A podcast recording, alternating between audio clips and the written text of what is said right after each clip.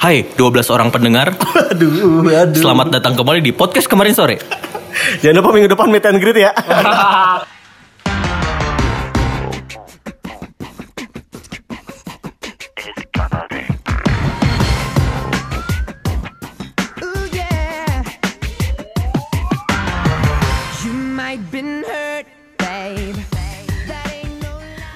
selamat siang kembali ke, ke 12 pendengar kita. Tidak usah grogi bapak Belum nafas dong. Iya benar. datang di podcast kemarin sore Ini ini ada ini ada big clip yang luar biasa.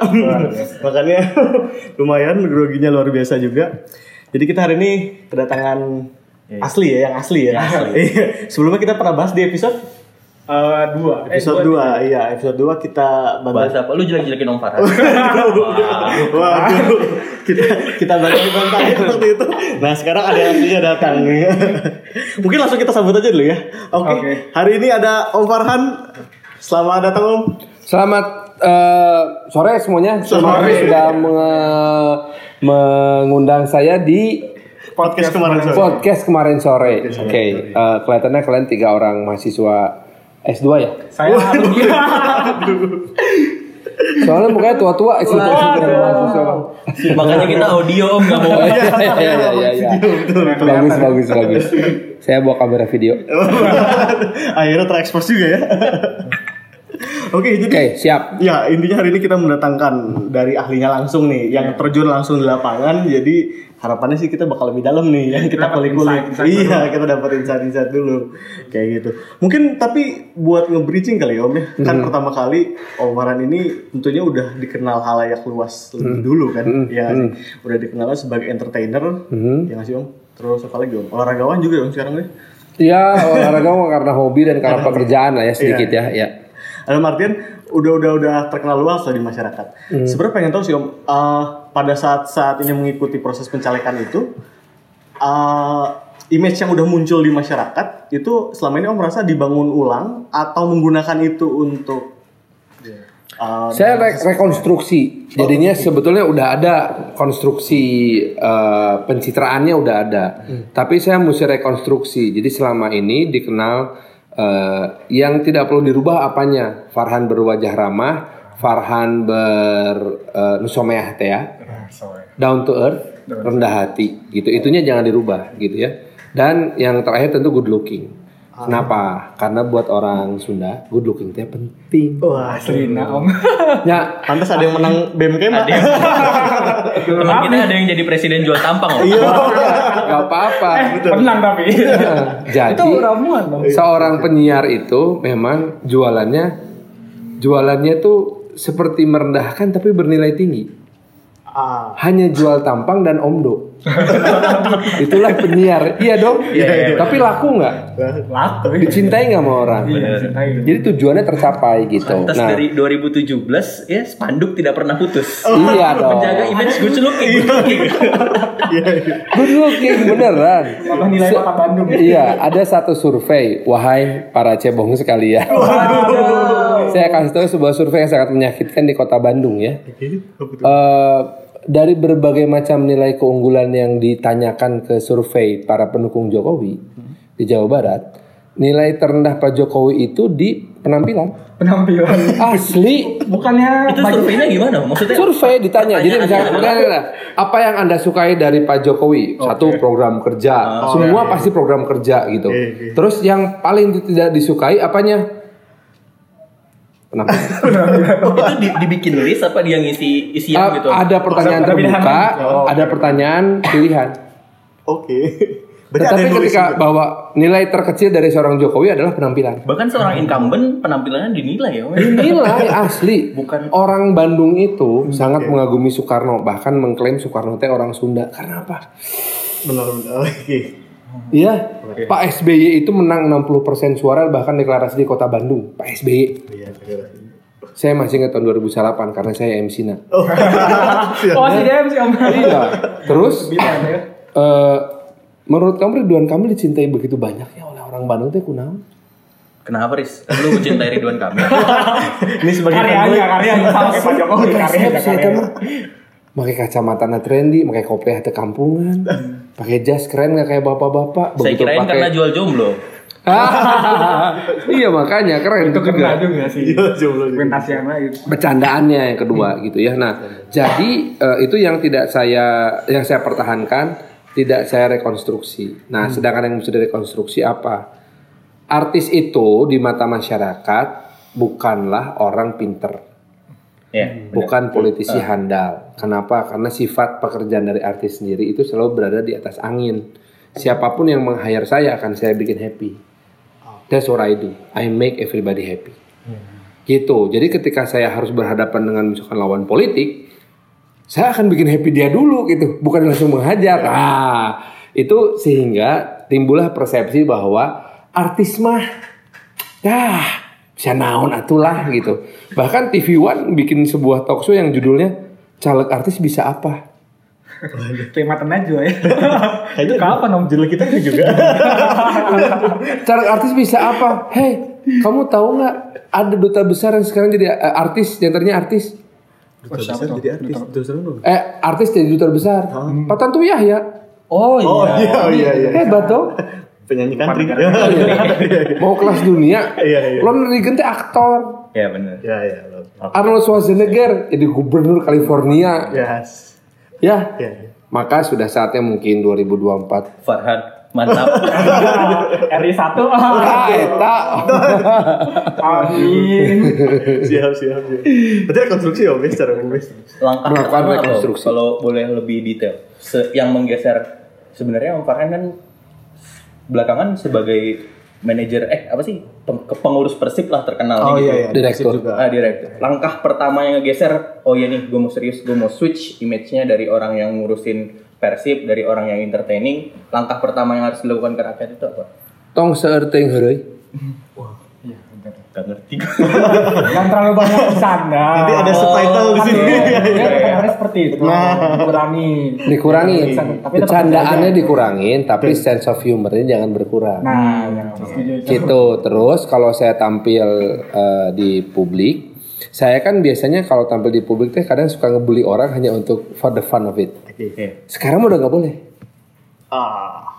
Jaga- gitu Jaga banget. jadi misalnya eh, eh kamu namanya siapa sih, pak Dani, Dani Dani kamu sehat saya tuh. hmm, kelihatan banget sehat nah itu udah nggak boleh kayak gitu Aduh.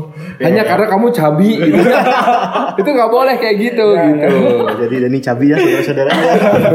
Ada ketahuan. Jadi eh, eh, hal-hal seperti itu bercandaan udah nggak boleh bercandaan lebih kayak gini. Dani kamu sehat? Saya tuh. Insya Allah akan lebih sehat kalau nanti pakai kartu Indonesia Sehat. Ya. Masuk dia di situ Iya, saudara-saudara. nggak? Masuk nggak Pak Eko? Masuk, masuk, masuk, masuk, masuk. Iya, iya, iya. Kalau kita lagi nyari ini mau masukin di mana ya buat apa? Langsung masuk. Oh, ya, tapi ngomong lupa juga. Eh, dapilnya dapil Saya dari Partai Nasdem Oke. untuk calon legislatif anggota DPR RI, DPR RI. di daerah pemilihannya Kota Bandung dan Kota Cimahi. Oh, oke. Ingat ya, Bandung Raya itu ada lima kota. Kota Madu, Kota Bandung, Kota Cimahi, Kabupaten Bandung, Kabupaten Bandung Barat dan Kabupaten Sumedang. Oh, oke. Jadi nangor ya. Betul, ini adalah Bandung Raya gitu yang nanti insya Allah akan dibangun menjadi sentra pertumbuhan ekonomi kedua di Jawa Barat. Itu Jabar satu ya, Mi, kalau di itu. Jawa Barat satu. Itu jaman sekarang. Betul. Pindah dikit ya gue ya. Karena tadi Om Farhan kan ngebahas program si Bapak incumbent. Nah, coba, coba, coba. Pertanyaan kami adalah kenapa masyarakat itu tidak setertarik itu membahas caleg seperti mereka membahas pilpres? Om? Karena pilihannya lebih sederhana. Cuman dua gitu. Hanya Anda tinggal memilih sosok aja, sebanyak-banyaknya empat. Sekarang tinggal dua dan dua-duanya berhasil membelah Indonesia secara konsisten dari tahun 2014 sampai sekarang tidak pernah berhenti membelah. Siap. gitu. Indonesia has never been so divided sejak kita reformasi. Narasi ketakutan. iya, benar. Narasi ketakutan dari petahana itu adalah sekarang akhirnya waktu debat pertama saya tuh khawatir sekali melihat Pak Jokowi lebih bicara tentang pemaparan program, pencapaian dan perencanaan. Karena itu tuh sebetulnya itu mah lebih cocok untuk pidato dia pada saat eh, laporan pertanggungjawaban. Oh, iya, iya. teknis gitu. Ya, ya udah lu jago udah terbukti. Terus Siap, siap. yang ingin kita eh, apa namanya puaskan dahaga ini adalah bicara tentang saya akan menyingkirkan kemiskinan. Nah, Emosional ya. Retoris dari intinya ya. retorika seperti itulah yang kemudian berhasil dibawa oleh Pak Prabowo gitu ya. Jadi kalau dalam eh, beberapa poin tentu saya menganggap menilai secara keseluruhan Pak Jokowi unggul. Oke. Tetapi secara retorika khusus untuk retorika Pak Prabowo unggul aku siap. gitu. Nah, teori kamu mengatakan apa? Teori apa? Yang kalau kamu bilang ada teori-teori non lah eta. Ada ada teorinya. Oh, erosi kek.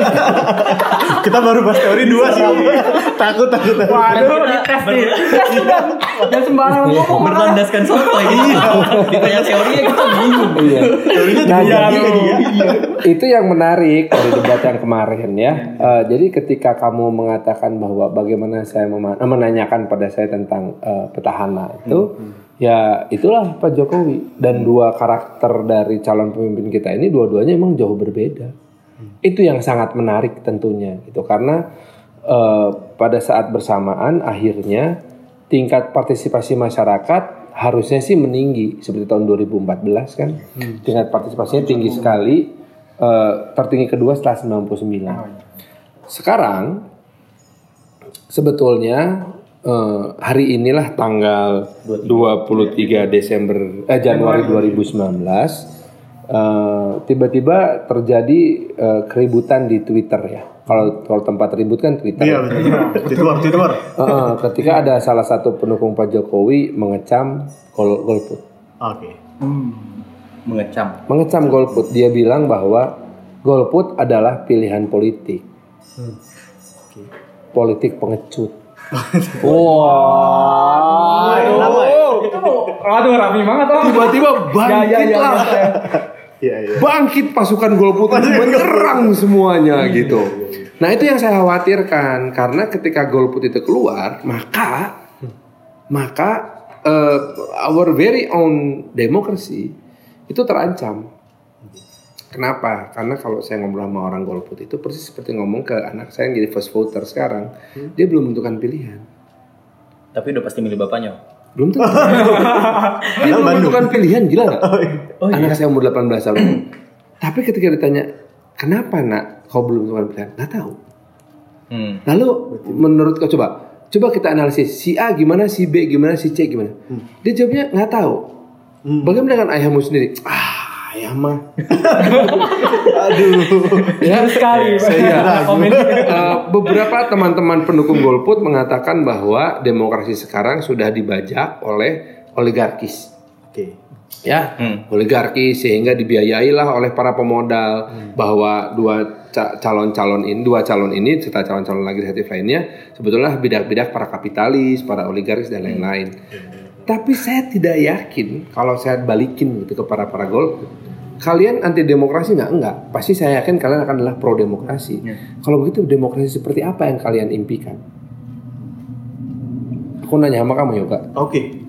Sebenarnya tapi kalau ngambil ngambil singkatnya aja, kan pernah ada bahasan gini. Sebenarnya demokrasi tidak tidak tepat diberikan kepada masyarakat yang masyarakat sendiri belum terdidik.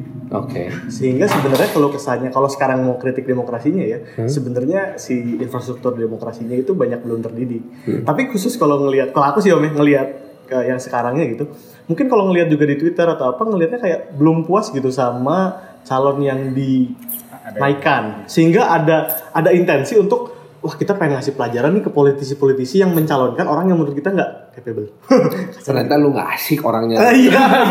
Oke, kamu kamu namanya siapa? Faris om. Faris. Ya sama sih kayak gue kalau kata saya memang hari ini yang sebetulnya yang paling saya sorot itu adalah fungsi parpol sendiri untuk mengadakan pendidikan politik.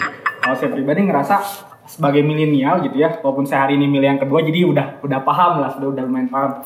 Buat teman-teman saya yang pertama kali milih itu memang membing- membingungkan gitu kondisinya. Sekarang ya benar kalau eh, pilpres itu saya pun sebetulnya dari dulu tuh mengharapkan ada alternatif bagi saya karena bosen saya ngerasain 2014 itu begitu uh, berat ya benar terbagi duanya tuh benar-benar terbagi dua dan berantem itu sekarang pun ada gitu yang sampai bunuh-bunuhan gitu itu Iya.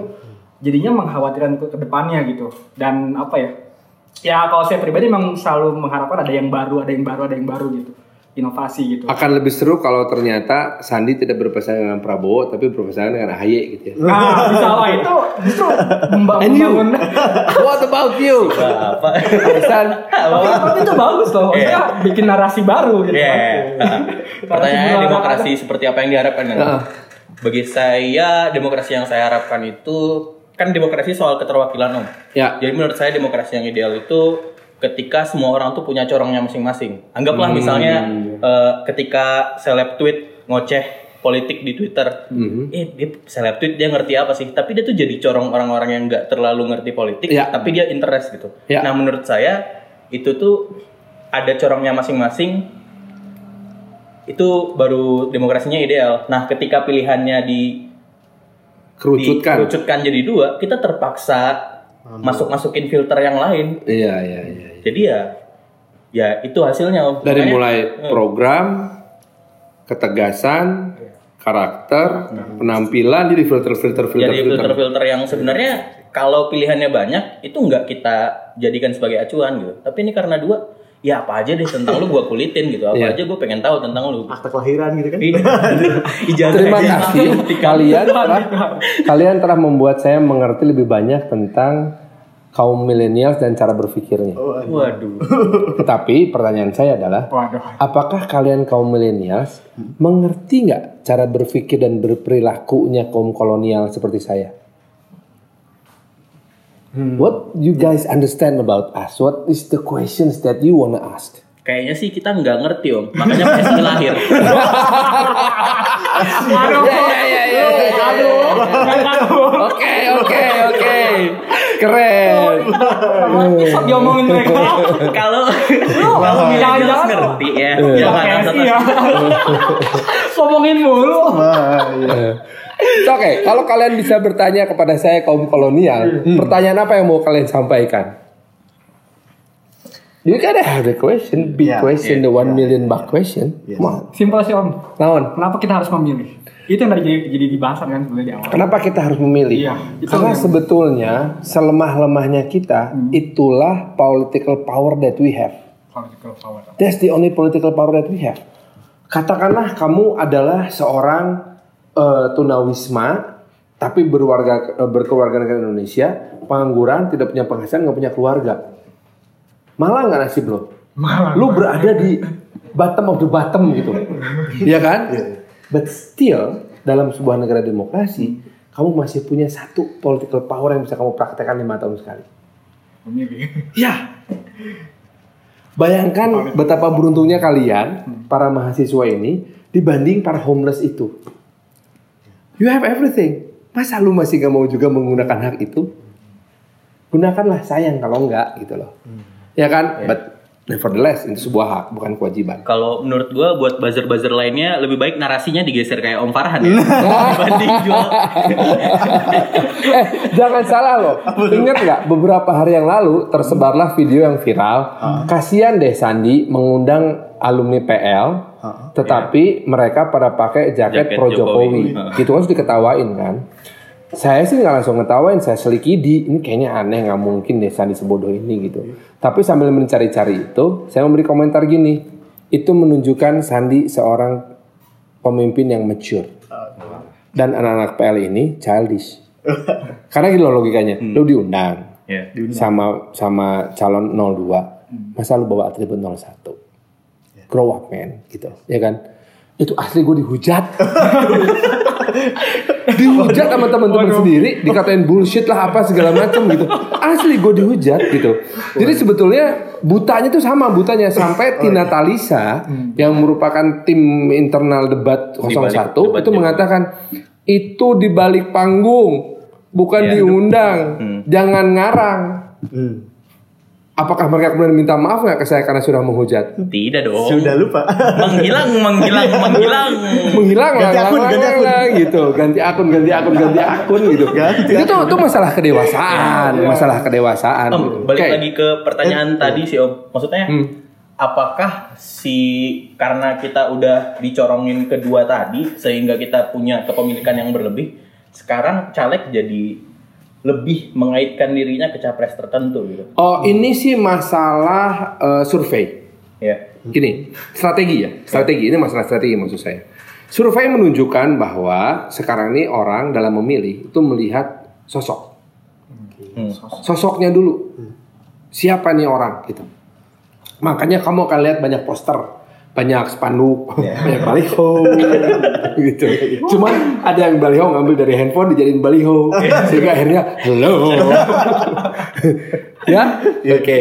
Tetapi ada yang niat banget sampai di retouch gitu ya, sampai konsisten dari 2017, 2018 sampai 2019 tetap kak kak. Asep. Oke, makasih anak-anak. ya, oke.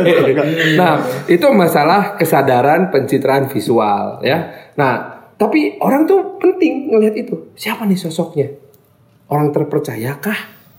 Gitu, itu satu ya. Yang kedua, baru mereka akan melihat siapa capres yang diusungnya. Hmm. Gitu. Karena ada orang bilang begini, saya tidak akan mendukung capres yang tidak ramah terhadap agama saya. Oke, Oke. maka siapa pun caleg yang mendukung capres yang tidak ramah terhadap agama saya Ya. adalah musuh saya. gitu. Om boleh tahu datanya nggak? Pemilih kalau ada gitu, ya, pemilih yang bisa milih eh, capres A misalnya, tapi dia nggak masalah kalau calegnya itu dari Yang mana aja? yang mana aja. Itu ada besaran datanya nggak? Kalau boleh tahu. Besaran datanya nggak ada, tapi saya mengalaminya. Oh ada. Cukup sering nggak? Om? Enggak sih, Oh, enggak. tapi ada beberapa di kelompok di. Menurut Om Farhan itu ideal nggak? Kalau demokrasi kita tuh seharusnya kayak gitu. Um, mungkin ya, tapi gini. Unfortunately, Ya. saya ini sudah jadi petugas partai. Ketika saya jadi petugas partai, Jualannya maka langsung dua ya. jualannya adalah segaris gitu. Paket segaris. Presiden gue mesti Jokowi, wapres gue mesti Maruf Amin. Iya.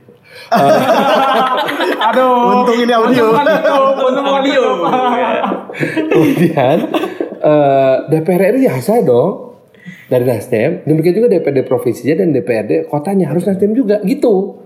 Tapi secara esensi kalian punya punya hak untuk memilih siapa pun yang kalian suka dan kalian mau. Nggak harus segaris gitu. Tapi kalau saya kan mengatakan ya harus segaris. Gitu. Oke. Oke. Ngerti kan? Iya. Yes. Oke. Your question? Buat yang tadi yang milenial, Ah, yang iya iya millennials. Kalau kepo sebenarnya ini, Om. Tadi kan udah bilang mau nggak mau juga, eh sempet bilang mau nggak mau juga akhirnya harus ngambil yang mainstream juga dong. Tapi sekarang anggaplah ah, objek pasar mainstreamnya mungkin di millennials. Ah, banyak nggak? Pertama, pertanyaan pertamanya banyak nggak sih om yang mungkin bertentangan sama sebenarnya nilai-nilai om atau mungkin ah, opini-opini om dengan si mainstream tersebut dan pada akhirnya ya udah ah, lebih lebih ke arah pandangnya kayak sebenarnya saya punya ini nih yang mau ini tapi karena mainstream ini ya udah saya mau nggak mau ambil ini aja lebih cenderung ke mana om?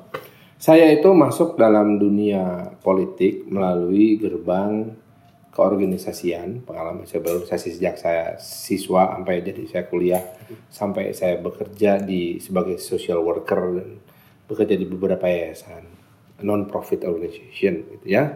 Bahkan ketika saya belajar juga di Harvard Business School tentang non profit organization ada satu prinsip yang saya sangat pegang yaitu eh, tidak boleh ada kesepakatan yang transaksional. Gitu. Nggak boleh tuh ada transaksional tapi mutual benefits. Ah, oke. ya? Nah apa bedanya mutual benefit sama transaksional? Kalau transaksional itu ada satuannya ada unitnya oke ada unitnya kemudian ada currency-nya. Currency-nya bisa mata uang beneran. IDR USD SGD apel Malang apa apel Washington? Iya kan? Kayak gitu. Oke. Tapi currency ini juga bisa berupa kekuasaan. Contohnya lu bantu gue menggolkan Pak Gubernur nanti lo gue kasih jatah jadi kepala dinas itu currency-nya kekuasaan Ah, oke. Oke. Atau currency-nya adalah fasilitas. Bapak dan warga Bapak dukung saya jadi anggota DPR. Eh, sekarang saya kasih pompa air. Oh, oke. Iya. iya. Ya, itu tuh transaksional gitu. Nah, padahal harusnya dalam kehidupan sosial semuanya muncul benefits, benefits. gitu loh. Eh, Pak Farhan, Pak Farhan nanti mau kita dukung jadi anggota DPR ya? Iya, oke, yuk kita bantuin, yuk. kita kerja sama-sama dulu. Setelah Bapak jadi anggota DPR, baru kita akan mencari tahu what kind of benefits yang Bapak bisa kasih ke kita. Dan dari awal ekspektasi itu udah disampaikan. Oke. Pak, kita akan bantu Bapak karena kita butuh ini. Bapak sanggup nggak? Waduh, saya nggak sanggup. Oke, sorry kita cari yang lain. Hmm. Maka itu namanya muncul Muncul benefits gitu. Nah, sayangnya banyak titik di di di hmm, tempat saya berkampanye itu lebih banyak transaksionalnya. Demikian juga dari level penguasa sampai level ke masyarakat gitu. Menariknya, ini menariknya Ah, apa tuh? di Bandung khusus di Bandung nih. Tahun 2017 saya bikin survei. Di situ disebutkan bahwa 65% warga Bandung eh, permisif terhadap money politics. Ah, oke. 17 persennya akan bersedia memilih mereka yang membayar lebih besar. Umur lebih besar. Waduh. Oke? Oke?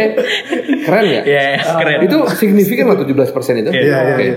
Tetapi dengan berjalannya em, apa namanya pesta demokrasi terus-terusan di kota Bandung yang seru ya, Iya. wali kotanya seru, eh, eh, gubernurnya seru, sekarang ada seru lagi, ada pergeseran. Hanya 42,9 persen masyarakat kota Bandung yang permisif terhadap money politik. Iya. Ah, Wow, nice. Ya, Kenapa itu? 42,9 persennya lagi, exactly equal number, mengatakan akan menolak uang Oh, politik. Jadi artinya orang Bandung sudah mulai punya kesadaran, bukan hanya terima uangnya jangan pilih orangnya, tetapi tolak uangnya dan jangan pilih orangnya. Gitu. Nah ini berkembang, tapi ingat angka ini tidak pernah eh, mm, permanen. Ya, Dia bisa shifting. bisa balik lagi. Saya berada di 42,9 yang menolak money politics. Jadi kalau saya datang ke eh, kelompok-kelompok masyarakat yang disebut pragmatis, yang mengatakan Pak, saya punya 1.200 suara untuk Bapak, Bapak punya uang berapa buat saya, itu saya pasti langsung tolak, saya nggak akan datang lagi. Saya akan datang lagi ke Pak, Bapak coba cerita gini-gini, setelah wawancara dia bilang Pak, saya percaya pada Bapak, kapan Bapak balik lagi? Nah, saya tahu bahwa ketika saya balik lagi, saya harus sudah siap menerima ekspektasi mereka apa. Maka di situlah saya akan belajar mendengarkan permasalahan seorang ibu yang mengatakan, Pak atau Pak, kumaha carananya punya. Saya tuh udah dikasih kartu Indonesia Pintar, udah dua tahun nggak cair-cair. Gitu. Hmm. Pak anak saya nggak punya akte kelahiran. Itu tuh masalah-masalah kecil yang sangat menarik. Saya pernah datang eh, jalan-jalan bersama Mas Anies tahun seberapa si Mas Anies teh nya? tahun 2000 2013, tuh, jauh sebelumnya Oh. tahun 2009 lah. Saya jalan-jalan sama beliau. Saya bilang ke Mas Anies Mas Anies temenin saya yuk. Ngapain Mas? Ke ini eh, ngurusin STNK wah lama dong. Gak Mas. Sekarang ada namanya drive thru gitu drive thru tuh di Polda Metro Jaya beres gitu. Si Mas Anies terekam bawah gini ternyata masyarakat itu cukup dipuasain dengan basic public service. Gitu. Sat gitu. Makanya ketika pilkada DKI walaupun saya bekerja untuk Pak Ahok saya tetap menganggap Pak Anies sebagai seorang gubernur calon gubernur yang layak lah. Karena menyadari hal itu. Gitu. Jadi eh, apa yang apa yang ditawarkan tuh benefit apa yang diterima juga benefit bukan transaksional. Siap, siap, siap. Mama itu menjawab pertanyaan kamu. Oke, Om. tapi sebenarnya ada sedikit keluh kesah juga di bagian kan maksudnya ini adalah suatu jawaban yang luar biasa bagus ya. Dan saya pikir tidak semuanya mungkin berpikiran seperti ini atau mungkin berpikiran tapi tidak mengambil jalur ini.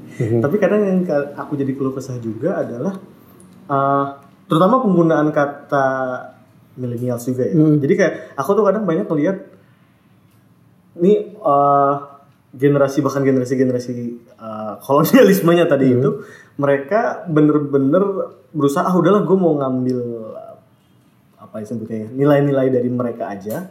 Tapi kadang juga melupakan bener-bener nilai yang sebenarnya punya mereka pegang gitu. Sehingga outputnya adalah saya merasa kering gitu. Kayak ini semuanya nilainya sama semua gitu. Kayak nggak ada kalau nyampe naik ke atas sih kayak nggak ada ideologinya gitu. Padahal kalau lihat asli kan kayak wah ini ekstrim sini, ini ekstrim sini, wah gue ngambil aja nih yang sini Iya. karena ini banget gitu. Iya. Ini kadang ngerasa di tengah-tengah semua jadi kayak Iya. ah ya, iya. gitu sih om mungkin. Ngumpul kayak ikan mas di kolam ya. Iya. Atau Semua di tengah nggak ada yang di pinggir ya. Iya, iya. Oke, jadi eh, sebetulnya di Indonesia ini ideologi dan konstitusi udah final, Oke. udah selesai. Kita ambil dua contoh paling ekstrim, Ahok versus Habib Rizik. Tanya sama Ahok, anti Islam nggak? Dia enggak. Dia. Pak Habib Rizik anti Kristen nggak? Enggak, nggak mungkin dia jawab dia anti Kristen, ya kan? Ya. Pak Ahok, Pak Ahok teh NKRI dan Pancasila, iya dong. Pak Habib Rizik, iya juga. Pak Ahok pro komunis ya, wajar loh gitu. Habib Rizik udah pasti anti komunis. Jadi sebetulnya tuh pertanyaan-pertanyaan ideologis dan konstitusional udah selesai. Tinggal masalahnya apa? Karakter aja. Dan selera. Karakter dan selera. Karakter dan selera ini pada akhirnya kemudian dimanfaatkan secara naratif menjadi politik identitas. Oleh siapa? Oleh para operator politik. Ya, para konsultan politik. Orang seperti EF yang saya sangat hormati. Kang EF Saifullah mengatakan kita melakukan yang namanya apa? eh, itu tuh yang dari masjid ke masjid itu kemarin pada saat pilkada DKI. Saya sih agak kecewa gitu karena men lu kok memainkan politik identitas sih gitu. Jangan dong. Jangan dong karena kan udah selesai. Gitu. Iya. Harusnya kita masuk ke knowledge politik gitu. Eh, politik pengetahuan, program, beradu ini ini ini gitu. Tapi Iya. kita we can help it. Bagaimanapun juga selera Ya. Kita nggak akan ngedebat ya gue ya. Karena Om Farhan males ngomongin Maruf Amin kan. Jangan biarin aja. cukup cukup cukup cukup sial diselepet gue Waduh. Aduh. saya soalnya cinta ulama Siap, siap.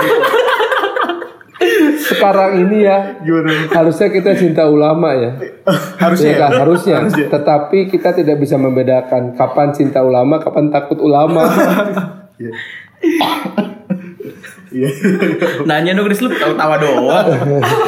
Menikmati. Mati. Nah, ini Om mungkin eh, tadi kan udah terbahas ya, eh, Om eh, apa Om itu ingin coba eh, mengangkat masalah tadi basic public servi- eh, service gitu. Ya.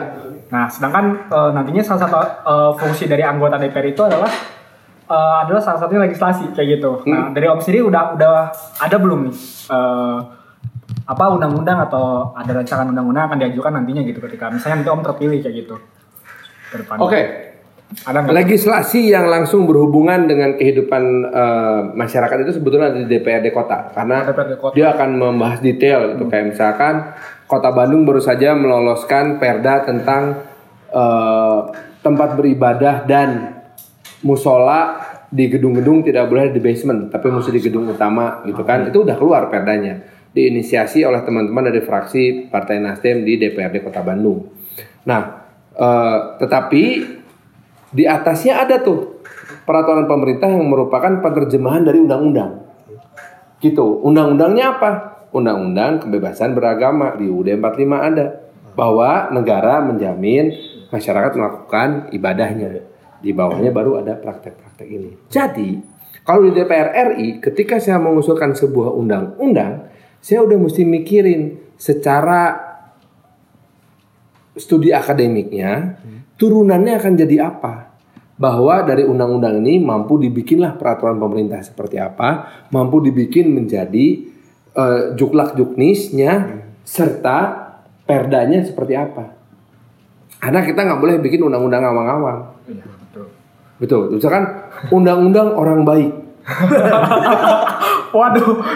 Tapi juga Sepertinya saya kenal lah artinya. Sepertinya mirip ya. Iya kan? Undang-undang orang baik. Satu, Indonesia itu harus terdiri dari orang baik. orang baik itu seperti apa? Apa parameternya ya? Bagaimana parameternya? Gimana turunan peraturan pemerintahnya? Nanti perdanya bikin seperti apa?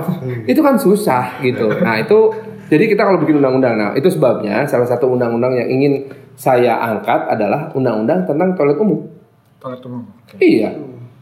Karena kita bayangkan toilet umum adalah salah satu fasilitas publik yang wajib disediakan oleh negara. Iya nggak? Iya. Walaupun kamu mampu bikin rumah sendiri dan punya toilet sendiri, tetapi saluran pembuangan air kotornya ke mana itu?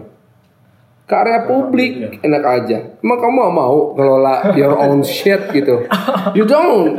Beranang-beranang ya. iya, maka dibikinin. Jadi dari situ itu bayangkan akan jadi turunan-turunan yang sangat menyenangkan gitu. Satu bahwa setiap bangunan pribadi harus punya fasilitas toilet. Toiletnya seperti apa? Ada lagi peraturan pemerintahnya. Bagaimana eh, eh, pengelolaan dari limbahnya? Ada lagi gitu. Ada insentifnya atau enggak? Bagaimana dengan ruang publik? Apakah tempat wisata itu tentu beda dengan yang namanya stasiun, tentu beda dengan yang namanya sekolah gitu. Kan saya sebel gitu bahwa dari zaman saya SD sampai sekarang saya udah umur mau 50, bau toilet sekolah tuh sama. Bener sih. Gak pernah berubah.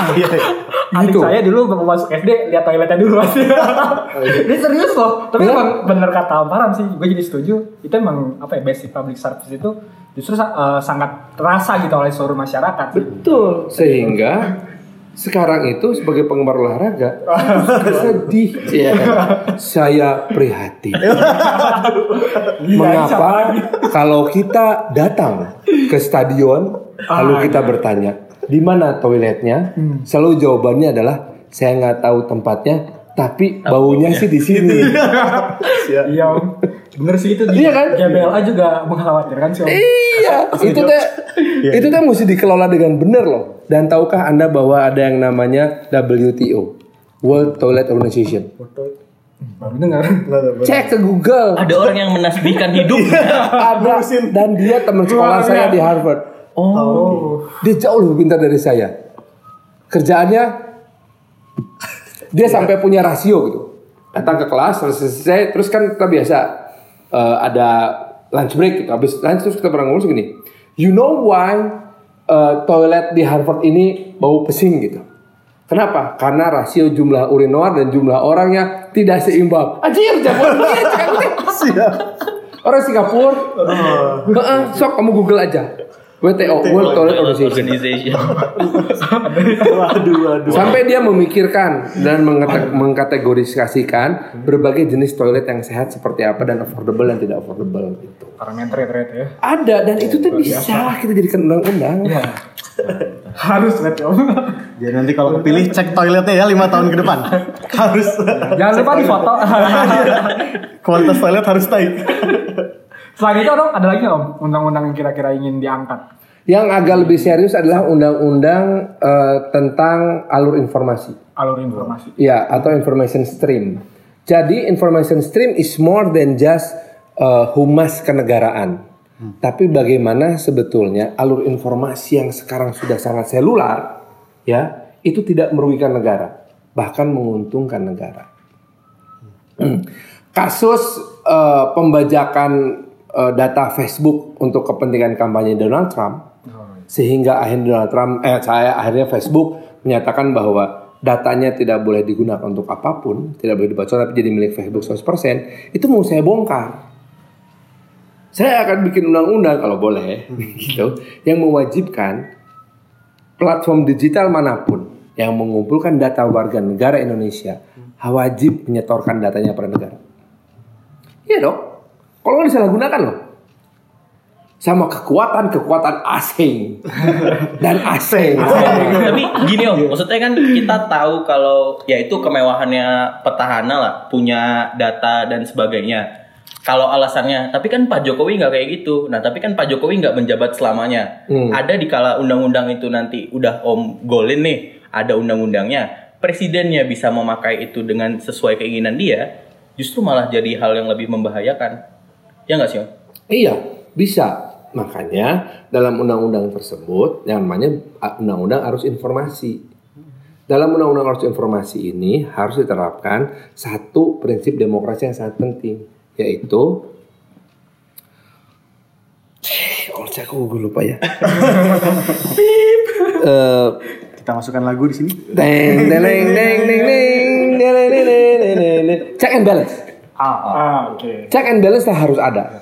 Dulu rezim informasi Indonesia itu dikuasai oleh rezim Soeharto yang diterjemahkan dalam bentuk Menteri Penerangan dengan segala macam kekuasaannya mengendalikan media, Puspen Hankam dengan kekuasaan bisa menegur siapa pun nggak boleh ngomong sembarangan, gitu ya. Yang dua-dua dan, dan kejaksaan jangan sembarangan loh.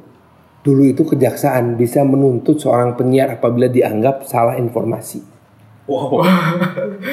Aduh, sekarang mana bisa ya? Sudah jadi Tahukah kalian bahwa iya, tahukah kalian ya lagi. bahwa seorang penulis buku bahkan komik di zaman Orde Baru, zaman Pak Harto yang katanya penak zamanku tuh zaman dasmu. seorang penulis buku bahkan komik Petro Gareng sekalipun harus mendaftarkan kontennya ke kejaksaan. Kejaksaan punya divisi khusus untuk mengapprove bahwa itu boleh terbit atau tidak. Serem nggak? Iya, kok di kejaksaan? Karena begitu dianggap tidak lolos dan tidak terbit, maka si penulisnya langsung diusut. Gila nih orang berani-beraninya nulis soal ini. Usut, saudara-saudara. Udah kagak diterbitin. Diusut lagi. Sudah timpa tangga ini. ya gitu. Nah, tapi rezim rezim informasi itu kemudian diruntuhkan oleh kami-kami para reformis 98. Amin Ganti. Rais nggak tuh? Bukan. Yo Amin Rais. Bos, gue tau banget. udah nggak mau jemput namanya. Amin Rais. Saya tidak akan melupakan sejarah. Amin Rais itu adalah seorang ketua umum Muhammadiyah, lulusan doktor di Chicago, yang sangat disayangi oleh Amerika. Kenapa? Oleh media Amerika paling enggak. Kenapa? Karena dia orang yang berteriak keras melawan Soeharto. Waktu itu. Sementara yang diam-diam melawan Soeharto adalah Gus Dur. Hmm. Ya, ini satu Muhammadiyah, satu NU. Tapi dua-duanya ngelawan Soeharto. Nyebelin nggak? Kalau di mata Soeharto tuh nyebelin banget. Makanya ketika reformasi terjadi, Amin Rais menjadi seorang orator yang menggerakkan kita semua menggunakan sound system karkol di gedung MPR DPR untuk berpidato pada kami semua yang sedang wih wih gitu. Teriak, saudara-saudara kita bersatu, kita mulai gerakan reformasi Indonesia. Wah!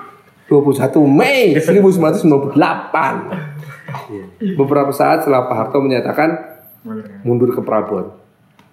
Gitu bos. Nah, ketika itu terjadi, kita taunya pengganti Soeharto doang. Kita tidak memikirkan struktur-strukturnya, termasuk struktur arus informasi.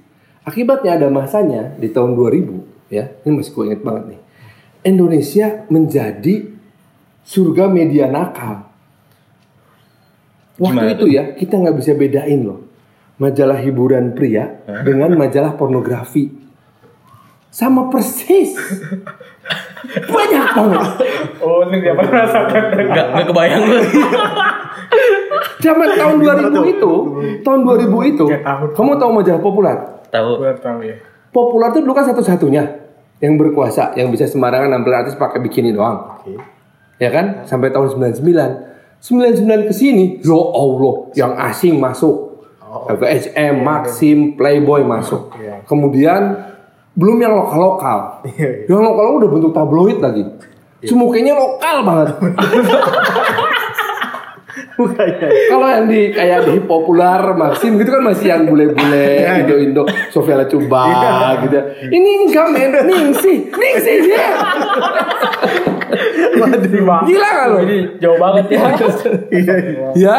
Nah, that's the dark side of it gitu. Sehingga masyarakat bergerak dengan sendirinya. Nah, ketika bergerak masyarakat bergerak dengan sendirinya, eh, para para rejim ini dari mulai Bu Megawati, eh, kemudian Pak SBY dan sekarang Pak Jokowi itu udah kebingungan bagaimana cara membangun rezim informasi ini. Istilahnya mengerikan ya rezim informasi ya. Tapi yang saya maksud adalah sebuah kebijakan untuk menyusun arus informasi. Bagaimana sih mengatur arus informasi ini? pernah ke Shanghai? Belum pernah ya? Oke, saya turut prihatin. Pecinaan Eh, udah pecinaan. ke Cina. Pecinaan. Oh, ke Cina. Cibadak. Iya iya iya. Oh, bayar dua puluh ribu dapat itu ya apa tongtol. Oh, Ya. iya. Jadi kalau kamu datang ke Cina, Google mati. Iya, di belum. Google Map nggak ada, Facebook selesai, ya. Tetapi pada saat bersamaan, Cina punya platform sendiri Platform lokal. yang sekarang sudah sangat mendunia loh. Ada Weibo, ada Weibo. Oh, iya, WeChat, WeChat. ada Alipay. Itu edan, saking gedenya. Sekarang kalau kamu datang ke tempat-tempat wisata di Bali, di eh, Asia Pasifik lah terutama ya, di Australia, di eh, eh, New Zealand yang saya baru sana kemarin, itu udah ada ininya, dongle dan eh, QR code untuk Bayar. WeChat Pay ataupun Alipay. Itu teh harus informasi, Pak. Bu. Itu harus mesti kita atur. Makanya tahun 2016, maaf ya. Ini mah kritik untuk akang saya yang jadi Menkom Info. Waduh. 2016 bulan Juli, Pak Jokowi datang ke Hangzhou, ketemu sama si Jack Ma. Da, ketahuan bahwa Presiden Indonesia mau datang, Jack Ma menghadirkan semua direktur anak perusahaan di seluruh dunia. Dia kan perusahaannya banyak banget. Iya. Terus dia nanya ke Pak Jokowi, Pak Jokowi, what do you want us to do in Indonesia? Pak Jokowi cuma bilang, ya pokoknya bantu kita lah ya, tolong nih, nanti sama menteri-menteri saya ngomongnya gitu. Aku tuh, aduh gila, itu momentum pisan. Itu tuh momentum pisan. Kenapa? Karena ketika saya pulang dari Shanghai habis acara itu, saya mampir ke Singapura, Alibaba punya Jack Ma meluncurkan server di Singapura. Server di Singapura. Gila nggak? Dan apa yang dilakukan sama Jack Ma? Jack Ma cuma bilang, ya saya nanti akan jadi konsultan untuk media digital dan e-commerce di Indonesia. Apa yang dia lakukan? Dia investasi beli Lazada hanya dengan satu miliar dolar. Satu miliar dolar mah tuh. eh. Segini tuh. Kenapa nggak dia bikin juga? Oke kalau gitu saya akan bikin oh, data center gitu misalkan di Palangkaraya, ya kan? Itu kan jauh lebih bermanfaat. Nah, kenapa itu nggak ada? Karena orang masih yang gini, masih belah belah gitu, hah? Hah? Hah? Gitu. Sama saya juga nih. ya masih belah belah gitu. Sekarang kita baru mulai sadar kenapa yang namanya Uber, Grab, Gojek itu eh, Bukalapak dan lain-lain melakukan yang namanya capital flush, buang duit habis-habisan untuk mendapatkan data kalian. Karena apa? Dengan saya punya data kamu, kamu, kamu yang kamu dengan sukarela serahkan pada Facebook, pada Uber, pada Gojek, pada Grab dan lain-lain, maka si para pemegang data ini bisa punya direct connection dengan kalian per selular. Lalu dibikinlah yang namanya profilnya, lalu dibikin logaritmanya. Sehingga informasi yang kamu terima dan kamu terima berbeda dan kamu terima berbeda tergantung profil dan logaritmanya apa. Benar-benar. Kalau misalkan si yang punya Gojek yang sekarang entah siapa namanya, Oh iya. Sudah tidak tahu kan siapa yang punya Gojek, tiba-tiba berkeinginan ingin menjadi capres, keren keren sih. Bagaimana dia mengelola data-data ya? Dan itu nggak ada aturannya di Indonesia. Indonesia malah sibuk kan tuh, oh tarif yang mesti dinaikin. Bukan itu, that's not the point of Gojek. Come on man, gitu. Oke, nah sharing ekonomi, sharing information itu mesti diatur. Gimana caranya? Lu mesti mencari orang-orang pintar yang bisa meregulasi ini semua. Gitu loh. Kalau perlu Google kita blok. Google nggak boleh masuk. Bikin ya naon gitu ya. kita ada, kita ada. Nah, kita bikin anak naon. Naon. Naon.com masih. Naon.com. Ah, itu kan versi Indonesia pisan gitu. Ma- tapi walaupun bagaimana saya tetap menguji keberanian Pak Jokowi untuk memaksakan kita semua pakai kartu untuk bayar tol. Oh. Itu keren kalau menurut saya itu keren. Karena mau nggak mau kita jadi semuanya terbiasa dengan kartu tol. Dari situ bisa berkembang ke mana-mana. Sehingga uang itu tidak berputar secara virtual ke Cina. Tapi tetap ada di BI. Minimal punya Indomaret card ya, oke. Iya iya iya. Anda promosi. Oh, ini juga air minumnya air minum Indomaret. Apakah Salim Group membiayai kalian? Tentu tidak. Itu tidak. Halo. Iya iya iya. Udah. Om, tapi pertanyaan Om, Eh, kan tak sempet ngebawa juga eh maksudnya Om juga melekat ada persibnya gitu kan. Terus tapi undang-undangnya juga yang bawa dibawa media kan. Kalau ditanya ke Om, kira-kira nanti andaikan nih Amin ya masuk ke 19 sampai 24 itu komisinya kalau Om sendiri bisa milih gitu. Eh, saya antara 1, 7 atau 10. Satu itu Hankam, Oke. Sama media, Informasi. hubungan luar negeri, ya, media dan informasi serta luar negeri serta IT. Ya. Sedangkan 7 itu eh, tambang, minyak, energi, lingkungan hidup. 8 apa? Eh, 10. Sama 10. 10 itu turisme, eh, budaya, pendidikan, dan olahraga serta kepemudaan. Singkat aja. Caleg tuh harus paham itu gak sih Om? Ya harus lah. Sekarang yang bersaing sama Om berapa persen yang ngerti? 100 persen. Aduh, hidupku memanjang. Anda harus lihat ini. Aduh, hidupku memanjang. Pinocchio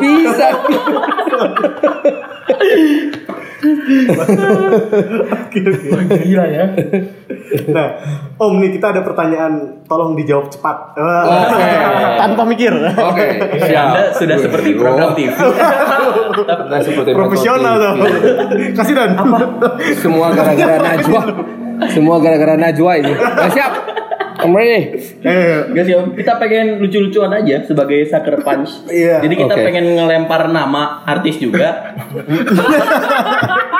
Kira-kira, ya kan? Menurut Om, Iya. pantas nggak ya? qualified gak? Oke, oke. Jadi saya mesti ngomong apa adanya atau ada jawab ada pilihan jawabannya? Pantas atau enggak aja, ya kan? Ah, ini aja. Iya boleh, saya terima sebagai lawan. Hmm. Nggak usah lah, nggak bakal lolos atau nanti aja 2024. Iya. Oke, oke, oke. Ya, ya, ya. Tiga berarti. Om. Siapa? Mau dulu duluan lempar nama artis. Dari yang satu partai aja, Nasdem kan banyak. Iya, benar. Gue nggak tahu. Kan sudah di Yang saingan mungkin om. Ya terserah lo, Oke. masa gue ngatur. Satu nama dari saya. Eh, Giring Ganesa. nanti aja 2024. Tuh, Mas Giring. Mending lanjut lagi sampai Niji. Atau kalau Mas Giring mau membuktikan ya, boleh kita bersedia Oh, iya, menyediakan datang ke sini aja. Iya. Nanti kita tanyakan nama Om Farhan. Nah, iya. Gimana kira-kira siapa tahu mau revenge kan? Iya, iya, iya. Lu ada gak? Gua, gua, gua. Yang rame di Bandung juga. Niko Sihaan. Wah, itu lawan yang layak. Ah, oke. Dia petahana coy. Apa? Yang yang baru yang baru. Udah- saya udah saya udah bersahabat sama Niko udah 30 tahun, jadi saya tahu banget. Gua ada gitu. lagi, gua ada lagi. Ada, Ah ada. ini. Kirana Larasati. Eh, kamu teh gelis lah. Udah, gelis aja. Lebar jadi anggota DPR mah. Ya, oke, gelis. Waduh, waduh, waduh, waduh. Siapa lagi ya? Eh, Hmm, siapa lagi ya? saya Jabar, Jabar. Jabar udah. Oh, ini nih. Banyak Jabar main artis. Ah, yang ini, yang nyanyi-nyanyi. Charles T12. Charles T12. Oh dia nyalek ke Om Farhan. Langsung. Paling akhir udah. Gak tau. Oh, dia nyalek. Insya Allah. Ya. Oke. Jawaban cukup Tidak clear. beda ya. Ya, kalau untuk Charlie Sekarang udah jadi- eh Setiaben coy. Ganti. Oh iya iya. iya. Setiap Oh, setia Ben. Setiap band, setiap band. Setiaben. Aduh, cukup sehari ya. apa namanya? Guben bisa dia. Ku pernah bisa cintai kamu di hati. Tapi itu penting loh kalau diambil dari lirik gaya sini. Om kenapa lari? sorry sorry. Oke, balik lagi. Bandel nih penyiarin. Siapa? Jadi gimana Charlie Om? 2024 atau nggak usah sama sekali? Tak 2009 ya. Om. Eh, nyalah. Iya. Charlie 2028 we Charlie lah. ya. Sampai bertemu di stasiun selatan atau di studio rekaman lainnya. Oke, oke, oke. Ada lagi yang mau ngelempar nama? Eh, Adli Virus. Oke, itu siapa? Bahkan dari artis pun dia kurang terkenal sepertinya. Iya. Satu golongan loh padahal. Adli Virus. Kan nggak ada kaukus caleg artis bapak. Tidak secara khusus. Tidak ada kaukus artis nyalek tuh nggak Ya, grup. virus hebat, nih patut diperhitungkan ya. hebat. Oke. Oke, udah ya. Itu aja ya. Siap, siap, siap. Cukup dapat gambaran gue. Oke, terima kasih Iya, ya. iya, iya. Mohon maaf hanya 57 menit. 40 Waduh, ini sebenarnya Om, terakhir Om, Eh, kalau ada yang mau bantu Om Farhan, terutama yang pendengar kita nggak banyak sih Om, tapi syukur-syukur. Like and siapa share lah, like and share. Bisa gimana caranya Om? Oh caranya kalau mau secara offline datang aja ke Jalan Blimbing nomor 13 Kota Bandung eh, untuk bergabung Eh, ke- atau enggak tunggu aja nanti ada undangan dari kita secara online untuk eh, menjadi bajer-bajer netizen. Pekerjaan baru nih. Anda nganggur kan nganggur. Anda bisa Anda nganggur kan? waktu luang. Lumayan dua k followers. Gitu. Mungkin ada pesan-pesan Om buat podcast ataupun pendengar podcast yang lagi baru mulai booming nih rame-rame ini. Eh, saya cuma mau bilang bahwa golput sebuah hak, tetapi memilih adalah sebuah kemuliaan. Wah. Dikasih closing statement masih kampanye juga. Makasih Om Farhan. Makasih, Om Farhan. Podcast kemarin sore. Ya, sore. terima kasih podcast kemarin sore. Siap, oke. Ini bagiannya mana? Tidak ya.